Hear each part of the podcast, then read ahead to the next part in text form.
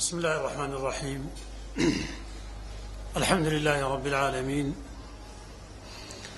اللهم لك الحمد حمدا كثيرا طيبا مباركا فيه كما ينبغي لجلال وجهك وعظيم سلطانك اللهم لك الحمد حتى ترضى ولك الحمد إذا رضيت ولك الحمد بعد الرضا لا نحصي ثناء عليك أنت كما أثنيت على نفسك اللهم رب جبرائيل وميكائيل وإسرافيل فاطر السماوات والأرض عالم الغيب والشهادة أنت تحكم بين عبادك فيما كانوا فيه يختلفون اهدنا لما اختلف فيه من الحق بإذنك إنك تهدي من تشاء إلى صراط مستقيم اللهم صل وسلم على عبدك ورسولك وعلى آله وأصحابه ومن اهتدى بهديه واستنى بسنته ودعا بدعوته إلى يوم الدين أما بعد إخوة الإسلام والإيمان إن شاء الله تعالى waxaan ka hadli doonaa jumcadan caawa iyo laba jumco ka dambaysa saddex xalaqo ama saddex jalsa oo ku saabsan munaasabadda iyo bandhigga sanad guurada ee mar walba soo noqnoqota loona qabto nabiga calayhi salaatu wasalaam dhalashadiisa iyo xuskeeda. Munaasabaddaas oo mar walba sanad kasta markay soo noqoto wax badanoo cusub oo ziyaado aan ku aragno qaabka loo dhigayo. Wakhtigeedana way joogtaa wax badan in laga hadlana waxaa keenaya in mar waliba waxna lagu darayo. Wax horey aan loo aqoonon ahayn jirinna loo daydayayo. Saddexda xalaqa waxay noqon doonaan ama fadhi sida soo socotay noqon doonaan. Xalaqada koowaad ama fadhiga koowaad oo caawa ah horudhacyaan ka hadli doonaa laba arrimood ku saabsan labada arrimood waxay kala noqon doonaan shariicadeenna siday ugu baahan tahay in xuduuddeeda la xifdiyo oo la ilaaliyo iyo in lagala dagaalamo bidaca diinta lagu soo darayo iyo masaa'il la xidhiira waa horudhacaya muqadimada koowaad. Muqadimada labaadna waxaan ka hadli doonaa maxabada nabiga sala allahu calayhi waalihi wasalam iyo jacaylkiisa iyo masaa'il iyo axkaam la xidhiira xalaqada labaad oo insha allahu tacaala noqon doonta jumcada soo socota waxaynu kaga hadli doonaa mawliidka taariikhdiisii iyo waxa la sameeyo. Goormuu bilowday heerarkii uu soo maray iyo marka mawliidka la dhigaya dadku maxay sameeyaan? Waxaanu dul mari doonaa haddii alla yidhahdo xilligaas taariikhda markaan ka sheekayna kadib qasaa'idka mawliidka la qaado baynu waa qaybo ka mida dul mari doonaa waxa ay yihiin maadaama waxan ay carabi yihiin dadkuna aynan macnaheeda fahmayn.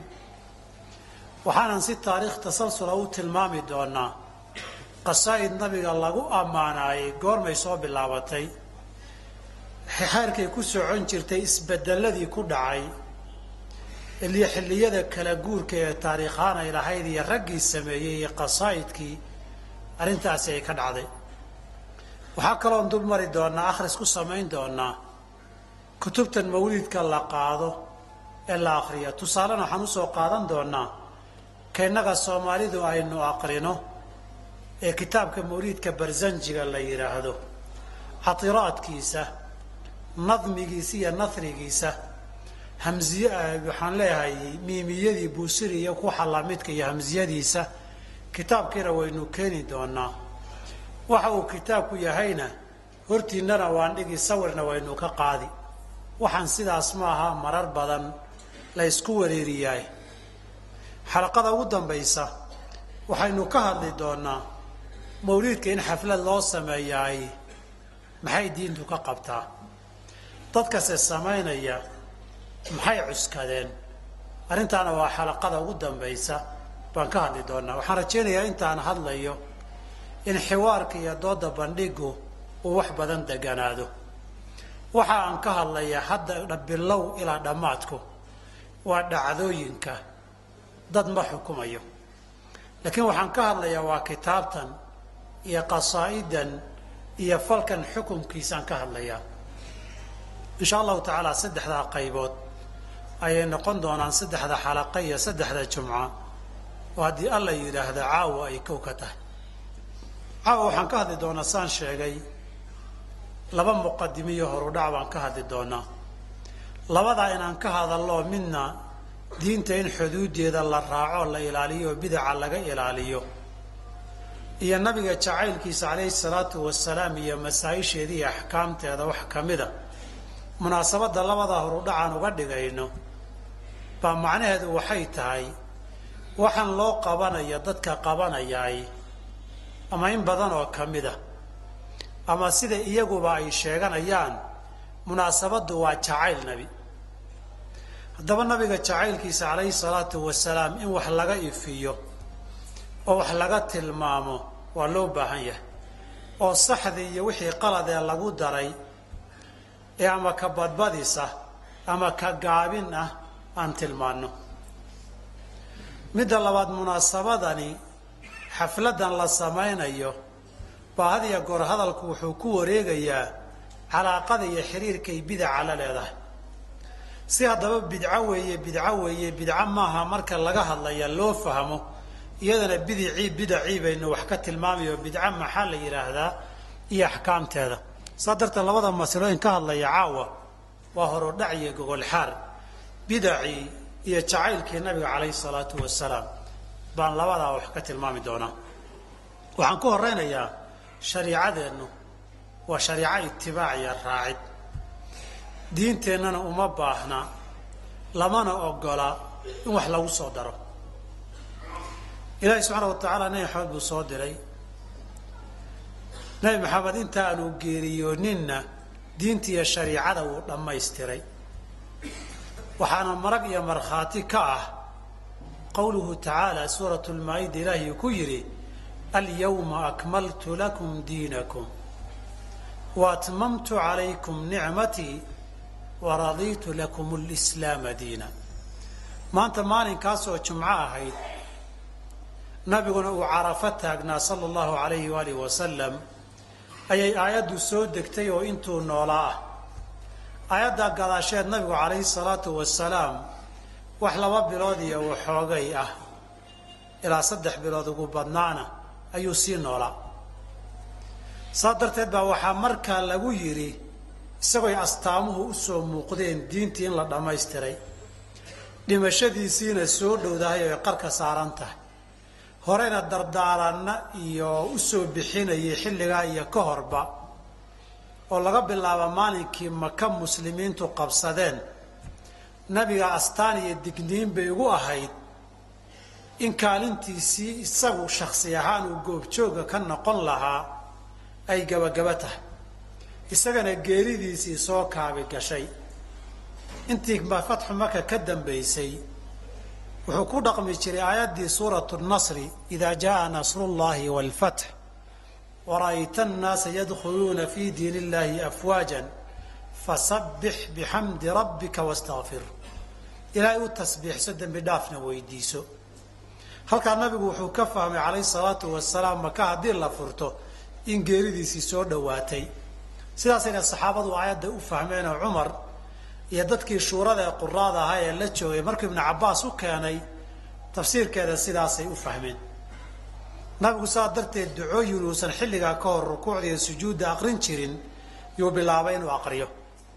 Subxaanaka allaahuma bixamdika allaahuma kfir lii buu ku celcelin jiray rukuucda iyo sujuuddaba. Markii la weydiiyeyna wuxuu yidhi ilaahay wuxuu ii sheegay ummadayda calaamad. Markii aan arko inaan labadaa badiya layga doonayo calaamadiina waan arkay. Marka way soo socotay astaamuhu nabiga waa u muuqdeen inaad jashiisii dhowdah saxaabada intuu dhex istaagay buu wuxuu yidhi addoon addoommada ilaahay ka mida baa ilaahay khiyaar geliyey inuu agtiisa waxa ah doorto iyo adduunyadiina uu ku sii noolaado. Addoonkiina ilaahay waxaa agtiisa ah buu doortay. Cidna ma nabigu alay slat slaam saxaabadu sheeko caadi ay u qaateen laakiin hal nin baa fahmay oo abubakar radia allahu canhu wa ardaahu abubakar waa ooyey saxaabada qaarkood waxay yidhahdeen duqan maxaa ka ooyi nin ilaahay agtiisa waxaa doortay maxaa looga ooyi laakiin dib waxay ka ogaadeen ay dheheen abubakar ninka noogu cilmi badan buu ahaa hadalka nabigu sheegaya inuu isagu iska hadlayo oo uu astaan iyo digniin bixinayo inay geeridiisii dhowaatay. Lana kala dooransiiyey adduunka iyo geeri waxaa alla agtiisa u yaallo alla uu doortay bay astaan iyo digniin ahayd. Maalin kalena waa wacdiyey wacdi uusan wacdin jirin oo saxaabadu ay ka dheehdeen inuu dardaarmayo. Waan inoo iman doonaa xadiidka cirbaad ibni saariya waa ku yidhi nabigaana wacdiye mawcidatan baliiqatan wajilat minha alquluubu wadarafat minha alcuyuun qalbigana waa gilgilay indhahana illin baa ku soo istaagtay ama ka timid.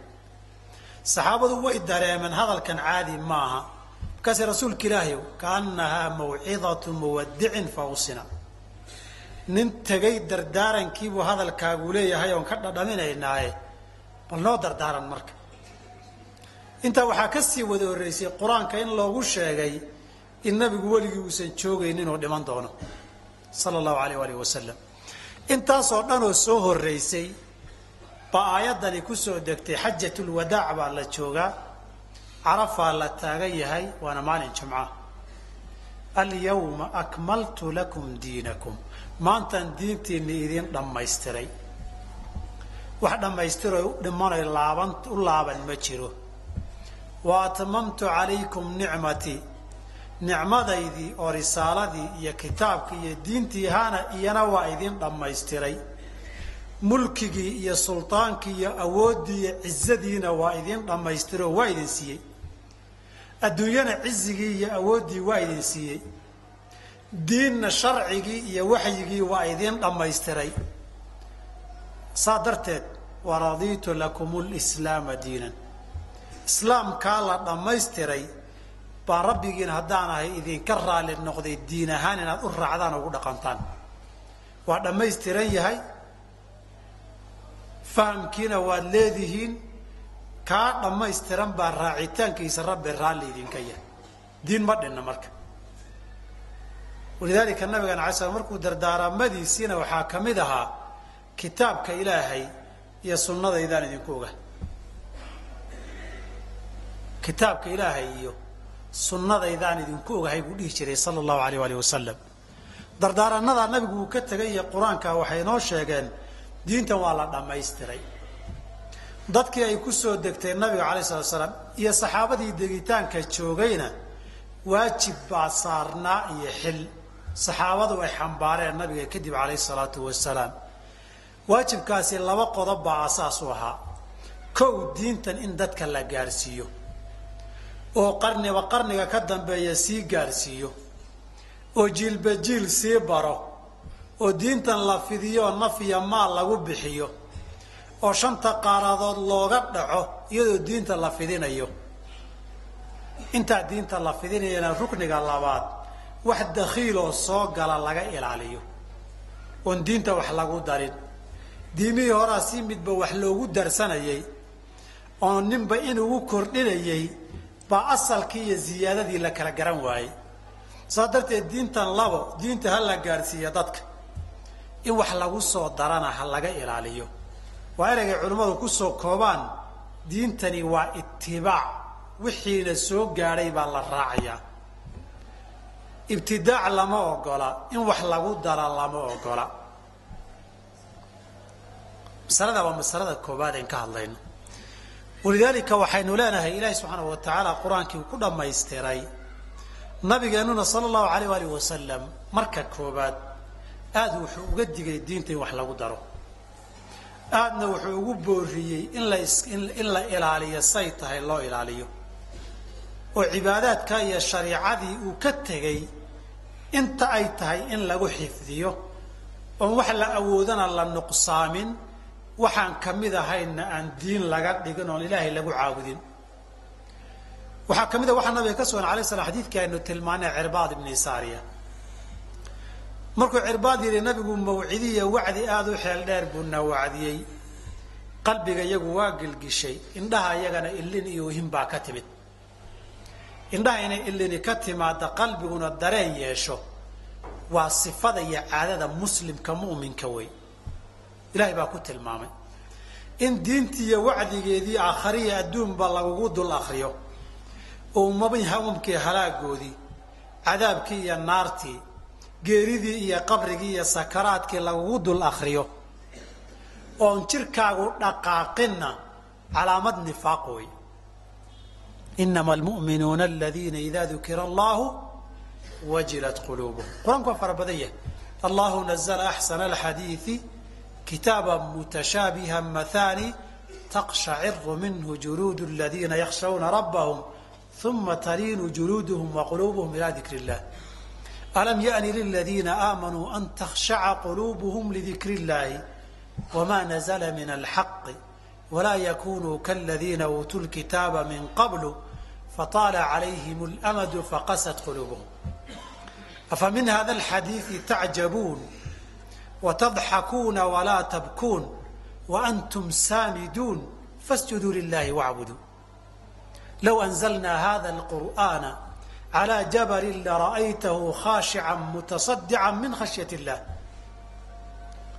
qul aaminuu bihi aw laa tu'minuu ina aladiina uutuu lcilma min qablihi ida yutlى calayhim yakhiruuna liladqaani sujada wayaquluuna subxaana rabbina in kaana wacdu rabbina lamafcuula wayakhiruuna liladqaani yabkuuna wayaziiduhum khushuuca waxaan oga jeedaa sifaatkii mu'miniintu markii wacdiga iyo shariicadu ay taabato qalbiguna waa gilgilan jiray ishuna waa ilmayn jirtay sidii bay saxaabadu sameyen ridwaan ullahi calayh waxay yidhahen yaa rasuul allahi kaanaha mawcidatu muwadicin faawsina nin dardaarmaya hadalkii baad leedahay ee wacdigiie noo dardaaran. Nabiga dardaarankiisa ala slaam uusiikum bitaqwa allahi wاsamci wاaacati wain cabdan xabashiyan waxaan idiin dardaarmay kow alla ka cabsi.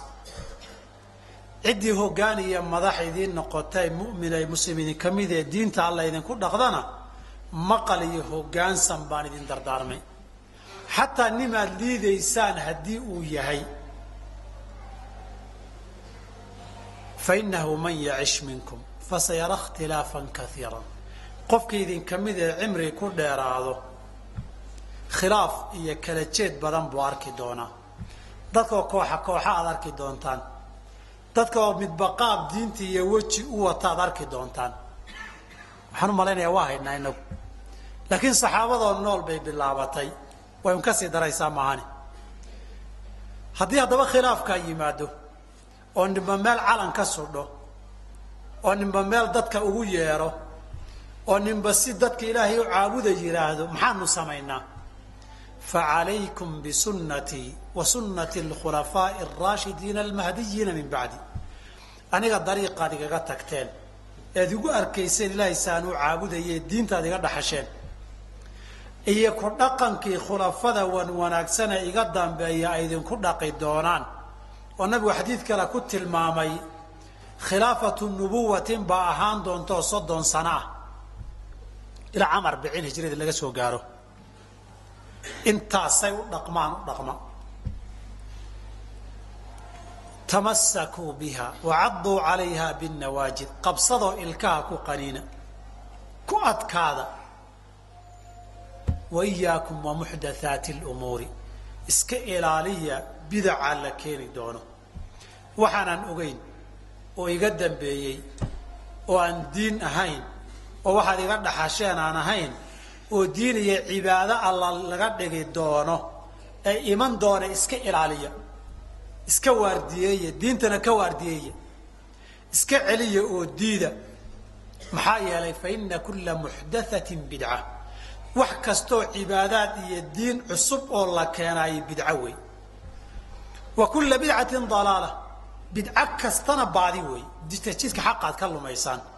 Saas darteed xaqa si aan loo barxin dariiqiina dadka aanay uga lumin waxa diin laga dhigi dooneenan anigu ogeyn. Anu aanan samayn. Cibaadaadkaad iga dhaxasheen aan ahayn.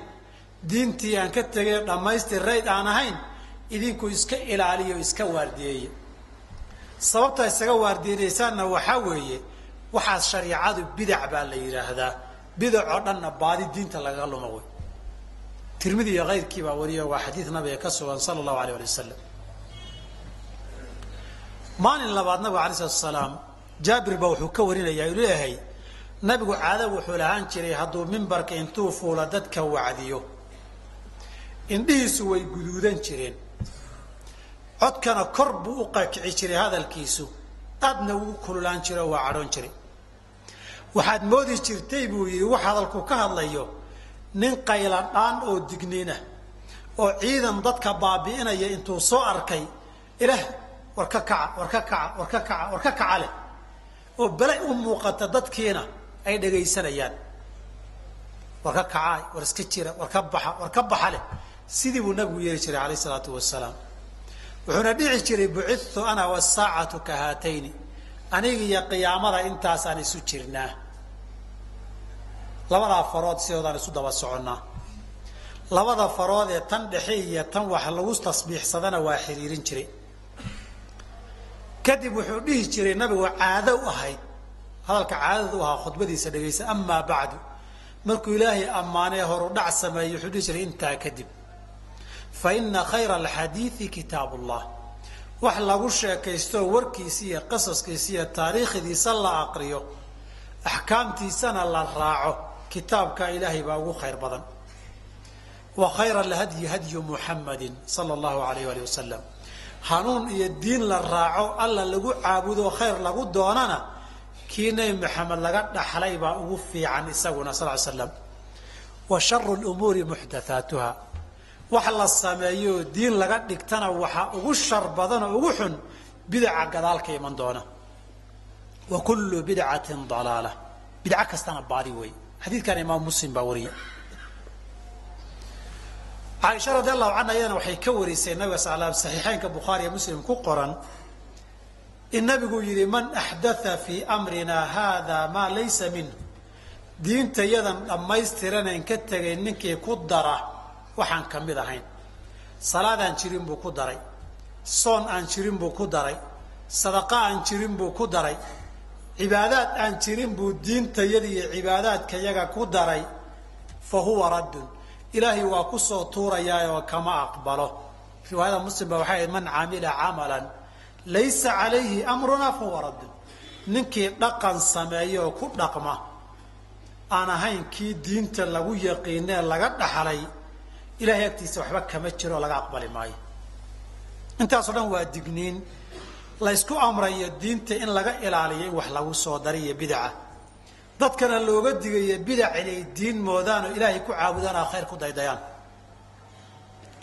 Sidaasay saxaabaduna ka dhaxleen. Ibnu mascuud radi allahu canhu wa ardaahu nabigu si gaar uga dardaarmay si isagana. Khulafada ka mid maaha. Oo waxyaabaa dardaarankiisa waxaa ka mid ahaa wahtaduu bihadyi bni ummi cabdin ibni ummi cabdin waa cabdillahi ibni mascuud cabdillaahi ibni mascuud hanuunkiisa iyo dariiqiisa qaata fuqahadii saxaabadu ka mid ahaa soddon iyo labadii hijradu markay ahayd buuna geeriyooday radia allahu canhu ardaahu waqti hore wey oo khilaafadii cumaan dhexdeeda ah ibnu mascuud baa wuxuu dhihi jiray halkudhigiisu wuxuu ahaa ittabicuu walaa tabtadicuu faqad kufiitu war wixii aad soo gaarteen suu yahay u raaca war idinku bidca iyo diinta waxa ku soo darina. Waa la idinka deeqay umaba baahnidiinba. Cibaado ilaahay agtiisa ajir lagu gaaro inta laydiin jideeyaydaan dhammaynba karinba. Maxaad uga baahan tihiin waxaan jirin. Maalin maalmaha ka mid a sida daarimi iyo sunankiisii ay ku warinayaan. Baa ibnu mascuud oo guriga iska jooga baa masaajidkii waxaa ka bilaabatay iyadoo ciraaq la joogo. Niman dhalinyaro ah oo aada cibaadada u qiiraysan oo u xamaasaysan. Laakiin hadyigii nabiga wax badan ka maqan yahay sala allau alayh wasalam baa waxay damceen cibaado badan inay sameeyaan. Nimankii labaa isugu timid. Waana halkay dhibaatadu ka bilaabata wey qiiro diineed baa haysata iyo jacayl cibaado badan. Waxay dareemayaan awood badan iyo waqti badan inay cibaadada ilaahay iyo khayrka u hayaan haddana khayrkii siday u gudan lahaayeen ma wada yaqaanaan. Intay yaqiineen markay sameeyaan xoog iyo awood iyo energy badanna ku haray wakti badanna ay hayaan baa waxay istuseen haddaan kala tagna waynu daali. Oo nin walba keligaa cibaado badi haddii la yidhaahdo naf iyo shaydaan iyo saaxiib xun iyo waa daali. Horta aynu isu nimaadno innagoo meeshii wada fadhina nin walba keligaa haddii la yidhaahdana waa la lulmoon oo waa la cajisi. Aan isku darsanno. Waa yahay. Waxay yidhahdeen marka nin baa wuxuu leeyahay sabbixuu miya boqol tasbiix akriya subxaan allah subxaan allah subxaan allah subxaan allah subxaan allah nimanka subxaan allah ba yidhahda wax kalama samayn. Laakiin aan isu nimaadnoo nin ha inoo meeriyo baa bilaabatay. Markay dhammeeyaan bu haddana wuxuu dhihi kabiruu miya boqol takbiir akriya allahu akbar allahu akbar allahu akbar. Abu muusa alashcari baa soo maray. Abu muusa alashcari mar wuxuu eegay nimankan waxay aqriyayaan waa khayr. Tasbiix iyo tahliil iyo takbiir bay aqrinayaan. Laakiin qaabkan ay u samaynayaan wax la aqoon jiray maaha. Nabigu weligii ma samayn saxaabadu ma samayn. Cid nabiga iyo saxaabadiisii ka khayr jecelna oo khayrkii iyo cibaadaadka ilaahay ka badisaa gadaal ka timidna arrin qalloocan oo qallabsan wey lama hadlina ibnu mascuud buu albaabka ku garaacay. Wuxuu yidhi ibnu mascuudow niman aan soo arkay meeshan waxna waa samaynayaan aan la yaabay. Khayr badanna waa ka muuqdaa bal kaala ila arag.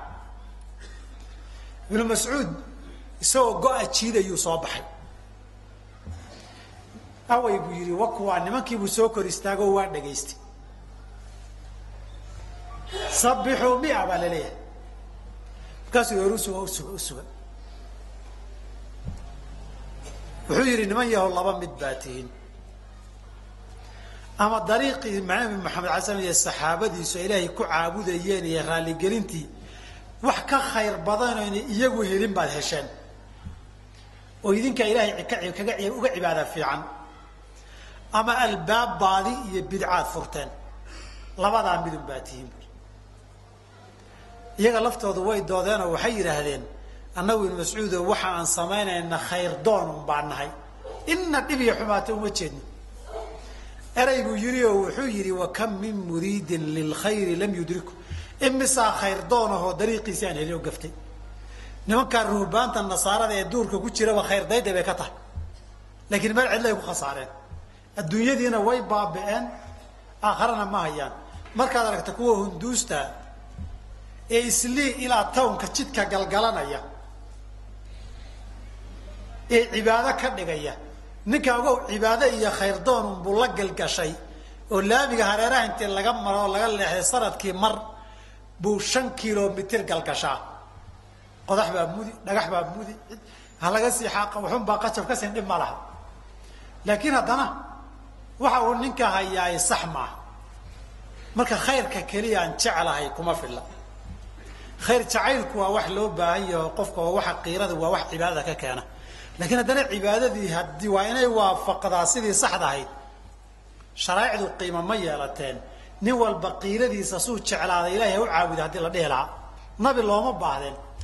Diin iyo shariicana looma baahdeen inta asnaam saddex boqol iyo lixdanka sanam ee quraysh meesha ku caabudaysay mid walba qolay la fiicnaatay.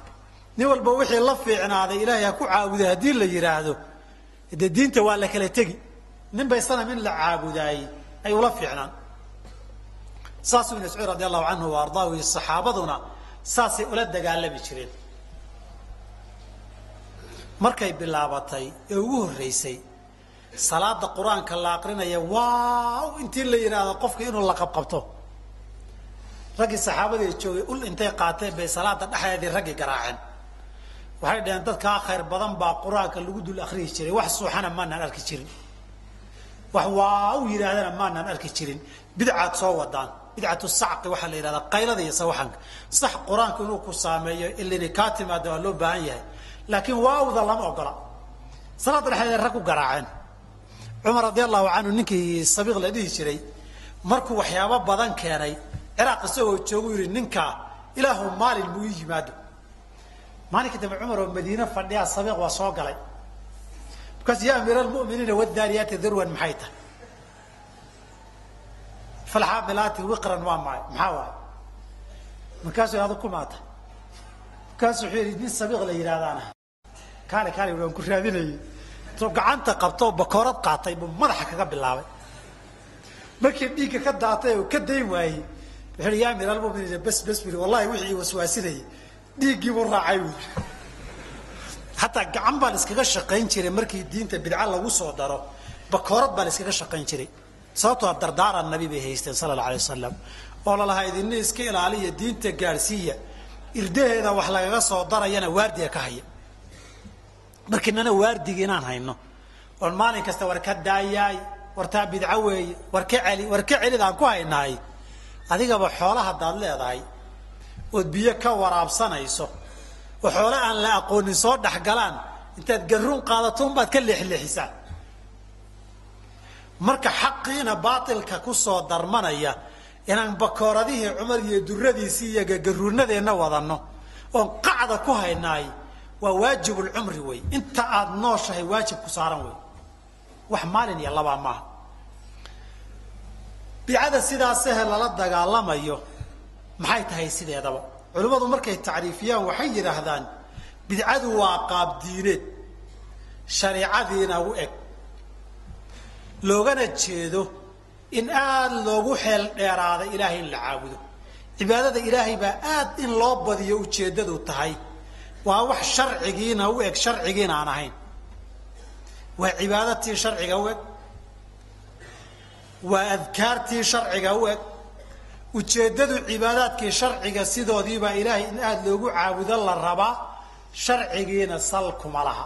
Taasaa bidca la yidhahdaa saa darteed ninkan ma niyad xumo bidcada keenay. Ilaahay aada u caabud buu rabaa. Laakiin waxa uu keenayna wax diin iyo cibaadaad u eg buu keenay laakiin maxay sartu ka quruntay? Diintii kaamilka ahayd sal kuma laha. Bidaca waxaa ka dhalanaya in lala dagaalamana ay keenaysaa faa'iidadeedu ay tahay. Oo masalada labaad eent idin tilmaami rabe haddaynaan bidacaa diinta ka waardiyeyn diintii way fasaadinaysaa. Fasaadkana laba qodobna waa ku soo ururinaynaa tusaalayawna waan ka bixinaynaa marka koowaad waxaan leenahay sharcigii wax garab socda oo sharcigii ilaahay laga qaatay aan ahayn baa imanaya. Salaadaa imanaya soom baa imanaya xaj baa imanaya sadaqaad baa imanaya dikri baa imanaya. Aan kii ilaahay sheegay nabi maxamedna laga dhaxlay aan ahayn. Diintii diin garab socotaa imanaysa haddaynaan ka dagaalamin. Markii maka loo xajiyo mid baa qabriga u xajinaya oo maka booskeedii ay geli. Soo ma jirta hadda. Soore maynaan u soo akrin in mid yidhi xujuu ilaya fadaarii kacbatu nusibat wa lbeyti cindii walximaa xarami. Ani iisoo xajiya. Gurigaygu kacbo wey guriga ninkii lahaana waa ila joogaa. Intaa ii oodanna waa xaramkaygii xaramkii maka waa kana i ah gurigana kacbadii buu yahay meeshayduba xaj wey kii soomaaliga ahaana wuxuu yidhi xumaan iyo xiqdi daayahay xuseen xaruntii xaj weeye sheekh nuur xuseenkan jilibagteedaa bu wuxuu leeyahay xumaan iyo xiqdi daayahay xaada markuu marayay xuseen xaruntii xaj weeye haddaynaan ka dagaalamin bidaca in diin lagu daro laba xaj baa imanee kee la aadi? Ma makaad aadi mise xarankaad aadi. Ma makaad u xajiyi mise qabri baa loo xajiyi halkaa ku ekaan mayso. Markii kacbo laga dhigo berri xaggee loo tukan baa iman. Ilaan laba kacbo weeye. Tanna waa loo tukan karaa tanna waa loo tukan karaabaa daba socota. Oo hade salaadeennii iyo xajkeennii baa la ysku qabsan. Oo soomkeennii baa la ysku qabsan. Intaa ka badan dadkiibaa ilaahya noqon. Oo saxaabadoo nool baa bidacii bilowday caliyow ilaah baa tahay la yidhi. Ilaa uu intuu dab shiday uu dab ku guray nimankiisaa yidhi markaasay waxay dhaheen haddun baaban ogaanaya rabbi keliyaaba naar wax ku cadaabeen maadaama aada naar dabna gelisay ilaah baaba tahayba. Bidcadii raafidada wey shiicada. Saxaabadii oo noolba wuxuu u dagaalamoo dabka ugu gusheeyay nimankan diinta wax lagu soo darayo ka dagaalamayay dadkii baa laga dhigi. Haddaynaan bidaca ka dagaalamin. In allaalay inti saalixiinta dhiiggooda ilaahay lagu caabudi. Cuhmaan ibni cafaan oo khulafaa raashidiin ka mid a oo isagoo nool janno loogu bishaareeyey oo nabigu yidhi maa dara cuhmaan maa facala bacda alyawm wax kasta hadduu sameeyo intaa in la egoo dhiba soo gaadhsiin mayso nin baa ku janna doontay oo ilaahay ugu dhawaaday ku cibaadaystay. Waa bidacii bilowday inxiraafkii haddaan lala dagaalamin marka intii nabigu jannada ugu bishaareeyey baa janno lagu doonan laftoodii cali radi allahu canhu wa oo ayaamtiisii ahaa u dambaysay khayru man watiahara dhulka bini aadam ku dul istaagu ugu khayr badnaa. Jannaa loogu bishaareeyey afarta khulafaduu ka mid ahaa. Isagoo salaatuleyl tukanayey salaad subaxna u soo baxay cumar. Isagu nin gaalaa dilay. Laakiin isagoo salaad cali u soo baxay salaad subax. Nin kale oo xalay oo dhan salaatuleyl isna u soo jeeday. Ninka cali dilaya habeenkii ma seexanin salaatuleyl buu tukanayay wuxuu u galay markii cali haddaba salaada la adibo intuu sunnaysto uu soo baxo buu dadka wuxuu ku dhihi jiray salaa buu dhihi jiray. Wuu yaqaanaa dariiquu mariya hadalkiisa marka dhexduu u galay labuu ka kala dhigay ninkaa janna doon way ogo wuxuu leeyahay janno meel kaaga dhow. Oon cali dilkiisa ahayn ma jiro. Waa bidacii muslimiinta qabsaday haddaan bidacan lala dagaalamin addoommada ilaahay saalixiinta ah dhiiggoodaa rabbi loogu dhawaan oo lagu cibaadaysan oo janno lagu doonan. Oo hadda ninkaa sidaa sameeyey kuwa ammaan iyo gabayo u tiriyey. Oo yidhi alla ninkaasi ayaan badana ninkaasi. Qof la dilo ilaahay lagu raaligelin lahaayoo ka weyn cali ma jiro. Kuwa gabayo ku tiriyey ninkan ilaahay ka baqayuu ahaa. Nin janno doortay buu ahaa. Alaahay ninkaasoo kale haddaan noqon lahaa dad baa ku taamay hadda qolaa waxay ka maraysaa qaaraan qaraabana. Ayaan badanaa nin mucaawiye intuu arkay. Halkaa dhafoorkaa xabad kaga dhuftay raggii saxaabadii weeyogow bidacan haddaan lala dagaalamin hey la dhihin. Oo cimriga aan wakti badan la gelinin diinta in lagala dagaalamo. Dee cibaadadii ilaahay waxay noqon inta saalixiinta ya'muruuna bilqisti min annaasi hal allaayadii reer bani israa'iil baa diin iyo cibaada noqon. Waxaan rabaa inaan idin dareensiiyo haddii aan bidaca lala dagaalamin naf inoo baaqan mayso oo maal inoo baaqan maayo oo cirdi iyo sharaf inoo baaqan maayo oo diin iyo cibaadaad inoo baaqan maayaan. Saas darteed usuusha diintay ka mid tahay iyo asaaska waajibaadka saan diintan dadka u gaarsiinayno inaan bidacina ogala dagaalanin wax lagu daro. Markaasay diintii xaq ahayd ee nadiifta ahayd ee raxmaddii iyo naxariista ahayd ee toosnayd aynu heli. Haddaba bidacan midda labaad waxay xambaarsan yihiin. Diintu ma dhammaystirnay bidacu xambaarsan yihiin waayo diintu hadday dhammaystiran tahoon wax cusub loo baahnayn maxaa bidcada keenay? Ninka bidcada keenay diintu meel ay ka gaabisay oo kabitaan ay u baahatay bay ka dhigan yahay warkaa macnihiisu. Warka markii si kale loo dhigana cibaadaad fiicnaan lahaa oo ilaahay agtiisa ajir lagaga helayo ayaan qur'aankuna inoo sheegin nabiguna inoo sheegin ilaahayna loogu dhowaanaye halkaa diinta waxbaa dhimane aynu buuxinno buu nuxurku noqon. Warka haddaba laba isbarbar dhig ilaahay la akmaltu lakum diinakum waa idin dhammaystiray. Iyo ninkan ole intanba waa khayr iyo cibaadee diinta kuma jiraan. Haddaynu ogolaana diintii waxbaa dhimane ha lagu daro shuhadhow asalkii iyo intaba inta inta bugta a kala garan waayi mayno. Waxyaabahan aad ula yahay waxaa ka mid ahaa nin baa qaadiyaaniya dad ugu yeedhay nineteen ninety five annagoo ingiriiska london joogna. Baa nin corneyl ahaan jiray baa qaadiyaaniye galay. Reerkoodii iyo qoyskoodii buu shiriyey oo ururiyey.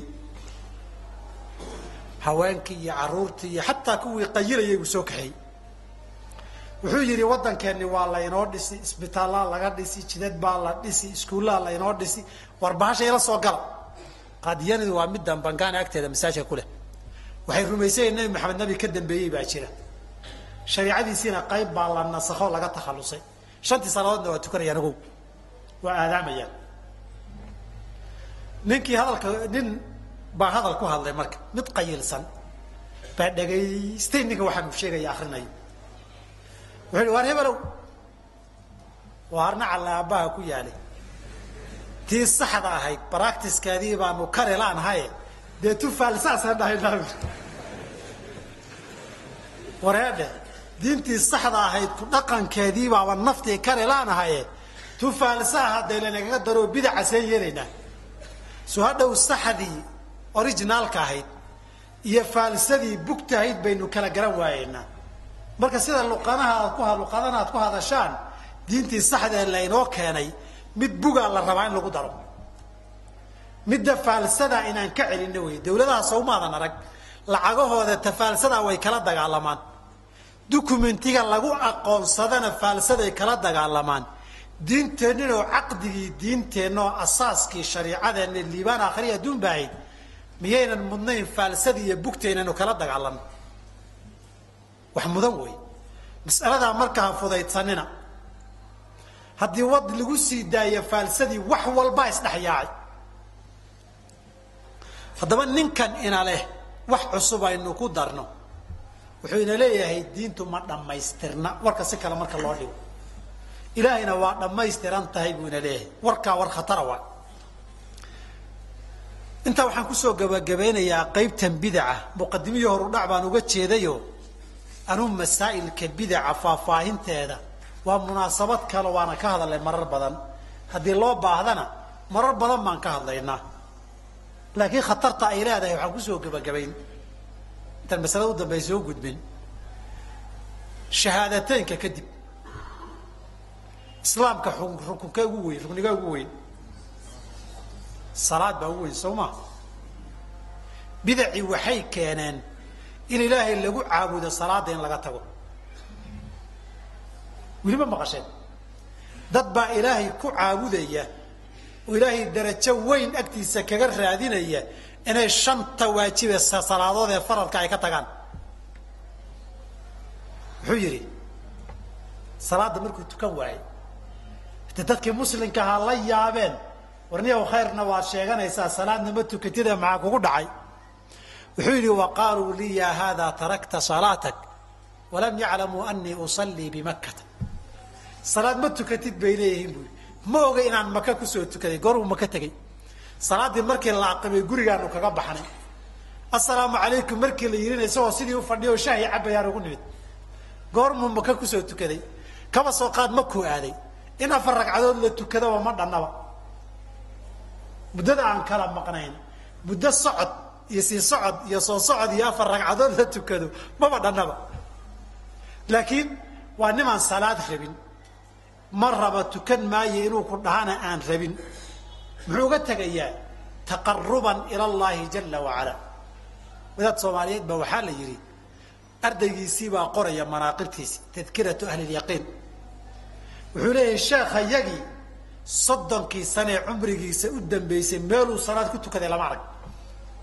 Bilaahi calaykum ninka weliga ah eed muslimiinta dhex joogay xamar degan ee shanta masaajid iyo tobanku hareeraha ka yihiin ee inta meesha degan qaraabadii iyo xigtadii wada yihiin ee soddon sano meeluu salaad farada wej fooda ku dhigay la arag.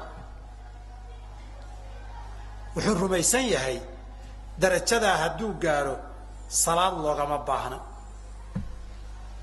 Waxay yidhaahdeen saa darteed idaa balaga sabu lkamaala min alhawa waqaaba can lmadkuuri fii satwat dikri yushaahidu xaqa xiina yashhadhu اlhawa biana salaata alcaarifiina min alkufri salaad haddaad tukata waa gaalnimay dheheen bilahi alaykum bidcadu halkayna gaadhsiisay fiiri salaadii ka tegitaankeedu kufriga ahaa faman tarakahaa faqad kafar ba waxaa loo bedelay faman facalahaa faqad kafar maxaa diintii inoo soo haraya salaadii tukashadeedii kufri hadday noqoto maxaa diin inoo soo haray haddayse awliyaallahi lmuttaqiin darajadii sare laga dhigo taariku salaad. Ogow hadda masalada khatartay leedahay faalsadu dhibkaasay keeni.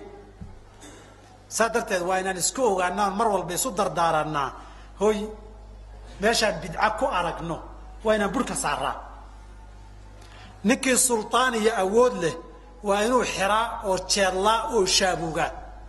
Kuu ka kari waayana waa inuu madaxa ka toogtaa waa inuu dakraa kii aan lahayne af iyo hadal tabar la tahay sideenoo kaleetana waa inuu qaylada iyo digniinta iyo oo qayladhaanta daafaha dunidii iyo makarafoonada buuxiyaa. Kii maal iyo xoolahayana waa inuu la dagaalankeeda ku bixiyaa. Haddii kale salaada tukashadeeda waa kufri baa idinku soo socota. Muqarabiinta ilaahay dadka saalixiintaa dilkooduna waa cibaadaa soo socota. Maantana taagan labadaba way taagan yihiin ogow. Waxaa samaynaya hamoodina inaan carab kama hadlaya aniga iyo faris iyo afrikaan kama kalama hadlaya soomaali baan ka hadlaya. Kuwa salaada cibaado uga tegayna waa soomaali. Kuwa saalixiinta dhiigooda ilaahay ugu dhawaanaya haddana waa soomaali. Kelina kuma ahee dadkao dhan muslimiin muslimiinta duniyada daafaheeda jooga baa intaan wax uun qolabay in kala qabtaa waxaan leenahay haddaba mas'aladaas waxaan ku gebagabaynaynaa kullu bidcatin dalaala. Warkaa war cad weeye nabigaa yidhi sala allau alay wasalam nabi maxamed baa yidhi kullu bidcatin dalaala. Bidco kastaba baadi wey haddii nabigu yidhi bidco kastaba baadi wey oo uu yidhi bidco kasta iska ilaaliya. Oo uu yidhi bidco kasta naar baa lagu gelayaa. Waxaan meesha ku jirin ninkii culimo ee yidhaahdana sibiqiya khalad ka dhacaya bidco fiican baa jirta. Haddii nin yidhahda bidco fiican baa jirta. Nabi maxamedna ku yidhahda alay slam bidco kasta baadi weeye bidco kastana naar baa lagu galaa ninna ku yidhahda bidco janno lagu galaa jirta. Ninkii khaldamayna allaha ka dhaafo. Ninkii saa yidhi ee qalad ka dhacayna allaha ka dhaafo. Ninkii hadda joogee dhegaystana hadalka nabi maxamed hadal lama barbar dhiga sala allahu alayh ali wasalam culimadu waxay yidhaahdaan carabta asalka maamahdan lahayde idaa jaa nahrullaahi batala nahru macqilin haddii webigii alla yimaado webigii ninka macqil la yidhahda meesha waa ka baxay. Asalka maamahdu waxay ahayd baa la yidhahdaa ninkani meel buu lahaa biyo ugu jireen xireen dadka beeraha baa wax laga waraabsan jiray ama ceelkiisaa laga dhaansan jiray biyaha la baryi jiray marka. Si ninkaa biyana si loo leeyahay bay raxmaddu hoori. Tagogiina biyahay qaadi subaxa cidi biyo mausoo doonan mar biyihii allah hadday yimaadeen kuwii hebel ka kacway. Mar haddii la yidhaahda nabigaa yidhi alayh salatu asalaam wadaad warkee dhigdhe soomaalina waxay yidhahdeen haddii sheekh yimaado. Macallin fadhiisay. Nin kastoo fiicnaa markii nabigaasaa yiri la yidhaahdo ku dabafayl wey warkii nabiga hadalkiisa ka duwan sow ma aha imaamu shaafici dardaarankiisii baan isku ogna. Wuxuu yidhi hadalaan idhi. Haddii aad aragtaan maalin un isagoo hadal nabigu yidhi ka hor imanaya hadalkayga intaa qabataan derbiga ka tuura qashinka xaggiisa wixii derbiga xagga looga tuura qashinka ku dara soo maaha warkayga qashinka ku dara buui maalinna waxaa la yidhi xadiidkan ma asaxay markaasuu yidhi haa. Ma raacaysaa baa la yidhi waaba xanaaqay jiq waa ismaray imaamu shaafici. Wariaa ma gaal baan ahay xadiidka nabigu waa asaxay ma raacaysa markay weydiinayso ma gaaladan muslimiinta ku dhex noolee suunka dusha ku qabta hadduu suunkii suunkii gaaladaad igu aragtay maxay tahay hadalkaadi weydiinayso? Maanaa waxaan meeshaba ku jirin nebi maxamed baa yidhi sal slam haa ma raacna. Su'aasha meesha kuma jirto. Ina kiciya wey aan raacna aan ku dabafaylla war kale ma laha. Saas darteed bidco fiicani ma jirto bidco waajibana ma jirto. Bidco sunnaana ma jirto. Bidco mubaaxana ma jirto. Bidcoo dhan xaaraan wey nabigaana yidhi kullu bidcatin dalaala. Markaad sidaa ku idhaahdo haddaad tidhaahdo cumar iyo abubakar iyo cuhmaan iyo soo kuwii qur'aanka ururiyey ma aha nabiga qur'aanka xilligiisii ma urursanayne soo tan xadiidka la qoray maaha ma qorayne iyo erayada lamida soo tan makarafoonada lagu aadaamaya ma aha soo tan masaajida maxaariibta loo sameeyey ma aha intaa haddii aada akrido waxaynu leenahay labaa kaaga iska qasantay. Waana meesha ay mugdiga dad badan ka galay. Wax waxaa jira la yidhaahdaa bidac iyo masaalix mursala la yidhaahdaa jira masaalixulmursala waxay culimmadeennu u yaqaanaan oo sharcigeenna la yidhaahdaa wax kasta oo shariicadu aynan diidin isaga gaar ahaan gaar ahaanna aynan u ogolaanin laakiin ujeeddooyinkii shariicadu ay ka hadashay u adeegaya isagu ujeeddo maaha. Waa wasiila wax la adeegsada weeye. Wuxuu u adeegayaa wixii shariicadu ogolayd shariicaduna waktigaa wixii jiray bay adeegsatay. Adeegii la adeegsanayay baa isbedelkii horumarka noloshu wax ka bedelay adaanka oo kale adaan ka soo qaadnayo makarafoonka. Nabi xillis ala slam waa la adaami jiray. Dadka wuxuu doortay ninkii cod dheeraa masaajidka guriga ku yaaxiga korkiisana waa fuuli jiray bilaal. Nin cod dheerna waa la doortay meel korana waa la saaray si codkiisu dadka uga dhexbaxo dhawaqu u gaaro. Kor waxaa loo fuulayay dhawaaqa dadka in la gaarsiiyo. Maqsadka sharcigu haddaba aadaanka codka dhawaqu dadka inuu gaaro wey haddii aan helna wax codkii dadka gaarsiinaya isaga wax gaara nagagama xirna. Maalinkii wax ka fiican helna qashinkaan ku daraynaa waa haddii aan mindi hilib ku cuno oo mid ka af badan berri heloo ka fiican tan intaan iska tuuraan qaadan mindidan wax gaara igama xirna laakiin waxaygii bay ii sahlaysaa. Waxaa ii sahlayana shariicada ay ogolaatay. Qur'aanka in la qoro. Abubakar iyo ma bilaabin. Xilligii nabigaa la qori jiray. Kutaabul waxyi buu lahaa. Waraaqi iyo waxbay ku qoraayeen. Waana laga dardaarmay qur'aanka in la xifdiyo. Dhacdaa dhacday. Xufaadul qur'aankii akarkooda badankood baa hal dagaal bay ku hoobteen. Oo musaylamatulkadaab lala dagaalamayay maalinkaa quraadu markay hoobteen baa qayladhaan la isu keenay. Cumar baana qayladhaanta keenay. Wuxuu yidhi abubakarow raggii xufaadul qur'aanka waa baaba'ayaan qur'aankiina meel kuma urursana raggii nabiga waxyigu qori jirayna qayb badan baa noolo. Waxay qoreen ninba meel buu la fadhiyaa.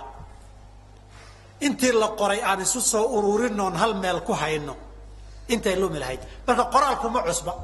Qur'aan in la qorana ma cusba in la xifdiyana waa la is amray maxaa cusub? Wareedha inuu lumaan ka baqaynaaye aynu isu soo ururinna waraaqihii la qoray wey sunnada la qorayna waa sidoo kaleeta nabigaa dadka ha loo qoro uktubu ila abi shaahin dhihi jiray. Cabdillahi bn camr alcaas baa ka qoran jiray. Waa la qori jiray sunnada nabiga alay salaam. Qur'aanka mar labaad baa la qoray cuhmaano waddankii markuu weynaaday dad badan oon qur'aan aqoonin baa soo baxay. Qaar baa madax noqday. Meel heblaan la tegi qur'aankii baa la isku haystaa. Qayladhaan baa imanoo kaalay qur'aankii waan isku haysanaaye nagu kala saara. War maxaan samaynaa? Innagu de meel kasta ma taagnaan karno. Berrina innaga inteena naqaano waynu dhiman. Kii qornaa intaan koobiyeynoon qoraallo badan ka samayno aynu magaalooyinka waaweyn u qaybina ta cumaan la sameeyena waa intaas oo magaalo walba masaajidka intii la dhiga marka la ysku qabsado ha lagu kala baxo qofka qaldan ha la ogaado. Intaa weya waxaa la sameeyey. Qoraalkii baa la ururiyey. Isagii baana dadka loo qaybiyey wax cusub maaha. Waa tii nabiga laga dhaxlays isagoo qoran iyo xifdigeedii wey taa keliyana ilahay qur'aanka uma xifdiyinine imaamku hadduu qaldamo boqol baa qayli. Haraha lagaga kici hadduu ku sii adkaystana salaada kadib waa lala dagaalayba markaa qur'aanka kas buu khaldayaa. Saa maxaad u yeelaysaa arookaas imaam intuu istaago. Aayad qur'aan intuu laaxibiyo saaha lagu wada ha yidhaahdo meesha hadduu naf kala baxo waa arki doontaan. Qur'aanka ilaahay sidaa ugu xifdiya dadka. Waaa waxaa timid sunada nabiga. Nabiga xilligiisii baa la qori jiray. Xilligii dambe jahligii oo badanaya marka la arkay. Ba muslimiintu waxay wareedhe dadkii xadiidka xifdinaa waa sii dhammaanayaane. Aynu ka qornoon ka reebno qoraalka asalkiisana nabigaa laga dhaxlay. Waxaan masaalixulmursala la yidhaahdaa sharcigu waa wasaa'il lagu xifdinaya diintii iyada qoraalkan wax ka fiican berri haddii la helo waa laga tala bixi. Laakiin bidcadu waa wax isaga laftiisa allah lagu caabudayo.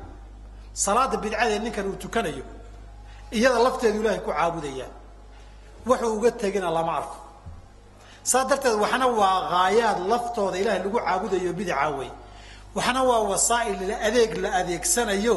Maalinka loo baahdaa la adeegsan. Marka laga maarmana waa la isaga tegi. Masalada haddaynu gabagabayno. Waxaa laga yaabaa hal eray inaad tabaysaan.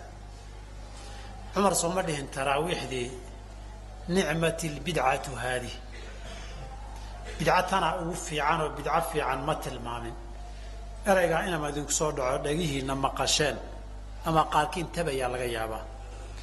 Haddaba waxaynu akhriyaynaa cumar muxuu sameeyey.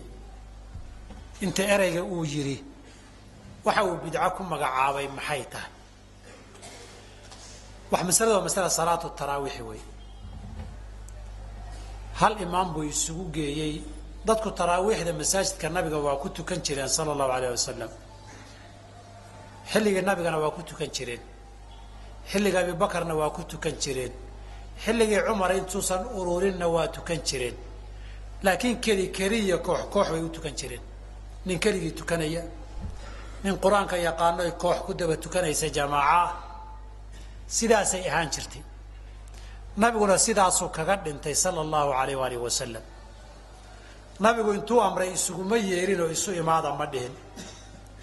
Abuubakarna xilligiisii labadii sana ma dhihin cumar markuu yimid radia allahu canhu wa ardaahu xaalad buu arkay. Intaasoo kooxoodoo isgarab taagan oo nin walba qur'aan aqrinayo oo kor u qaynayo oo midka midba midka kale sahwinayuu arkay. De markaynu tiirkan istaagnaan kor u akrino koox kalena tiirkan istaagaan ee kor u akriyaan laba kooxoodna gadaasheenna istaagaan oo kor u akriyaan so inaan istashwiishina caadi maaha dadkii oo isku rafaadsan buu arkay. Mushkiladu maaha marka taraawiix jamaaca ma lagu tukan karaa mushkiladu maaha oo kuwanba koox kooxdan jamaaca loo tukanayaa su'aal baa timid marka. Cumar wuxuu yidhi war dadkan istashwiishinaya ee koox kooxda mutafariqiinta ah hal imaam haddii loo sameeyo hal jamaaca laga dhigo saw kama fiicna tii buu cumar yidhi wareedha waxaad yeeshaan dadka ubay ibni kacab iyo tamiim daari labadaa nin dadka ha tukiyaan. Waxaan koox kooxda iswaswaasinaya istashwiishinayana hal salaad wada tukada. Cumar waxa uu sameeyey waa arrinkaas. Mushkiladu ma dadkii oo dhan hal imaam inay yeeshaan oo masaajidku inta uu buuxsamo buux dhaafo oo taraawiix hal jamaaca hal imaam lagu daba tukada miyaa mushkiladu? Maya sabab nabigaa sameeyey sal ly slam nabigoo salaata habeenleel tukanaya bay habeen saxaabadu ku daba tukadeen. Habeenkii labaad baa la isgaadhsiiyey. Dadkii waa soo batay. Habeenkii saddexaad baa la isgaadhsiiyey. Masaajidkaa dadka qaadi waayey. Si fiican buu u tukiyey nabigu sal allau alayh wasalam waa taraawiix nabigaa tukinaya oo masaajidkiisii weeye jamaacada dhanna isagay ku xidhan tahay haddaba taraawiix hal imaam leh. Masaajidka o dhanna jamaacada weliba masjidu nabiyi lagu daba tukanayo ma cusba bidca ma aha. Nabigii baa sameeyey alayh salaam cumarna waa sameeyey. Nabigu laakiin wuu joojiyey. Dhowr habeen markuu sameeyey waa joojiyey taasaa waxay keentay koox koox in loo tukado. Sabab buu u joojiyey marka. Nabigu iskama joojinine sabab buu sheegay uu u joojiyey. Wuxuu yidhi dadaalkiinaan arkay. Iyo saad ugu dadaalaysaan. Waxaan ka baqay in waxyii soo degoo waajib laydinkaga dhigo. Marka waajib laydinkaga dhigana aada wadi weydaan. Oo akhare laydin cadaabo wuxuu uga turay waxyi baa socdaoo sharaa'ic baa imanaya. Waa dhici kartaa in la waajibiyo. Cabsi wey cabsida labaad ee ka dhalanaysa middaa waxaa weeye nabigu naxariistii ummadda u naxayey haddii la waajibiyo y samayn waayaanna maxaa iman? Inay dambaabaan oo ciqaab mutaan. Arrintaas si aynan u dhicin buu nabigu yidhi war guryihiinni keli keli u tukada muxuu uga baqay in lagu waajibiyo? Ma diidana inay tukadaan oy jamaaco noqoto oo hal imaam la yeesha lama diidana. Laakiin amay ka dhalataa in la waajibiyo. Haddii nabi maxamed inta alayh salaatu wasalaam ma la waajibinoo waxyi maa cumar ku soo degi? Haddaba nabigu jamaacada waa jideeyey hal imaamna waa jideeyey sabab buu uga tegay sababtii laga cabsanayeyna hadda ma jirto wixii nabigu uu ka baqayay inoo sheegay dhimashadiisiibuu ku baaba'ay oo waxyi ku istaagay. Haddaba inagu haddaan si kasta jamaaco u ogno maanta ma waxyi baa soo degi nagu waajibiya maya. Sunno un bay ahaan soo maaha inay fiican tahay. Hal jamaacana la yeesho. Hal imaamna tukiyo. Horta nebi maxamed baan ka dhaxalay sal slam sababtuu inoogu diiday ee joojiyo inoo yiri inoo sheegayna meesha way ka baxday. Qaacidada sharciga waxaa naqaanaa alxukmu yaduuru maca cilatihi wujuudan wacadaman xukumku cilada uu leeyahay buu had iyo goor la socdaa ciladii haddii la helana waa la helaa haddii la waayana waa la waayaa tusaale ahaan sharaabka cabitaanku hadduu maandooriye noqdo xaaraan buu noqdaa waa khamrigii hadduu isbedelo caadi ku soo noqdana xalaal buu noqdaa maxaa yeelay maandoorinimadaa xaaraantinimaysay markuu ka baxayna waa xalaal xoolahaa aada soo xaday xatooyadaa xaaraantinimaysay haddiiba ninkii lahaa ku siiyana xalaal wey haddaad xaddana xaaraan wey xooluhu waa isla xoolihii. Laakiin maxaa xaaraantinimeeyey markay xatooyo noqotayna? Wase ninkii raalli ka ahaydna waa xaraam. Markuu raalli kaaga yahayna waa xalaal. Waa isla xoolihii. Marka salaadu waa isla salaadii markii laga baqayay in la waajibiyana waa la joojiyey. Markay baqdintii zuushayna hade wax joojiye ma yaallo. Waxaan nidhi salaatulkhawf baynu tukan. Markay cabsidii jirto. Markay cabsidii zuushana tii xilliga nabadgelyadaan u soo noqonaynaa. Markay cabsi in la waajibiyey intay taagan tahayna waynu kala tukan taraawiixda markay cabsidu dhammaatana sidii nabiguba yeelay baan isugu soo noqonaynaa. Cumar marka dadkii salaadii hal imaam inuu u yeela wax cusub ma aha hal arrin buu cumar la keliyoobay marka. Wuxuu leeyahay cumar nabig ala slam markii lagu daba tukanaya nabigu ma amrin. Dadku iyaga ku daba tukaday cumarna wuxuu igu amray. Wuxuu yihi amar aan la iiga horreynin oon wax amro kanun baa ugu fiican. Muxuu ugu fiican yahayna amar aan la iiga horreynin waa bidcadii. Bidca waxaan la iiga horreynin waa amarka. Salaadii jamaaca lagu tukadiy bidcadii taraawiixdi hal imaamlihi iyo midna ma cusba. Laakiin nabigu ma amrin cumarna waa amray. Wuxuu yihi laakiin waxaan nabigu amrin oo aan amro kana uu fiican. Maxaa yeelay sunadii nabiga maba khilaafsanaba. Sababtuu nabigu uga cabsanayay inuu amrana way ka way ka baxday meesha. Hadaa macnaa qawli cumar wey nicmat bidcati u leeyahay waa luqa ahaan amarka la igama horreynin wey wixii nabigu sameeyey ala slam uusan amrin haddaan iraano wareedha waxaas waa fiicayoo nabigaa sameeyey aan samayno. Sharciga diintao dhan way ogosha cibaadaadkiisiiyo soonkuu soomay salaaduu tukaday tanun bay la mid tahay oo wax kale maaha. Taas looma daliishan karo. Waxaa nabi maxamed samayn ala salaam kitaab ilaahayna sheegin sunna nabina sheegin saliya raadna aan ku lahayn inaad tidhaahdo waan samayn cumarna wax nabigu sameeyey buu yidhi inaan dadkii sameeya idhaahda la igama horreynin cudurdaar maaha qiilna maaha. Cumarna wax diinahoo cusub abadan lama imanin. Isaguna ahaa ninkii bakoorada ku garaaci jiray. Ninkii diinta wax ku soo daree irdaheeda taagnaa waardiinay diinta haddaan maray muqadimadii horaaba waktiga qaatay caawa sowma caawa intaa intaan isaga daayo. Tan kale jumcada soo socotaa waxaan ka hadli doonaa maxabada nabiga sala allahu alayh alih wasalam sababta loo jeclaanayo makaanadii ahmiyaday leedahay astaamaha jacaylka nabiga sababaha keeni kara akhiiran maxaa jacayl nabi oo saxa maxaase qalada jacayl nabi in laga dhigo? Yaa ka badbadiyey yaase ka gaabiyey? Insha allahu tacaala jumcada dambaan tilmaami doonaa. Haddii loo baahdana markaasaan maalmo dheeraada siin doonaa in sha allahu tacaala wa sala allah waslama calaa muxamadi wacala alihi wa saxbi subxaanaka allah bxamdik ashhadu an la ilah anta astaqfir atuub ilayk.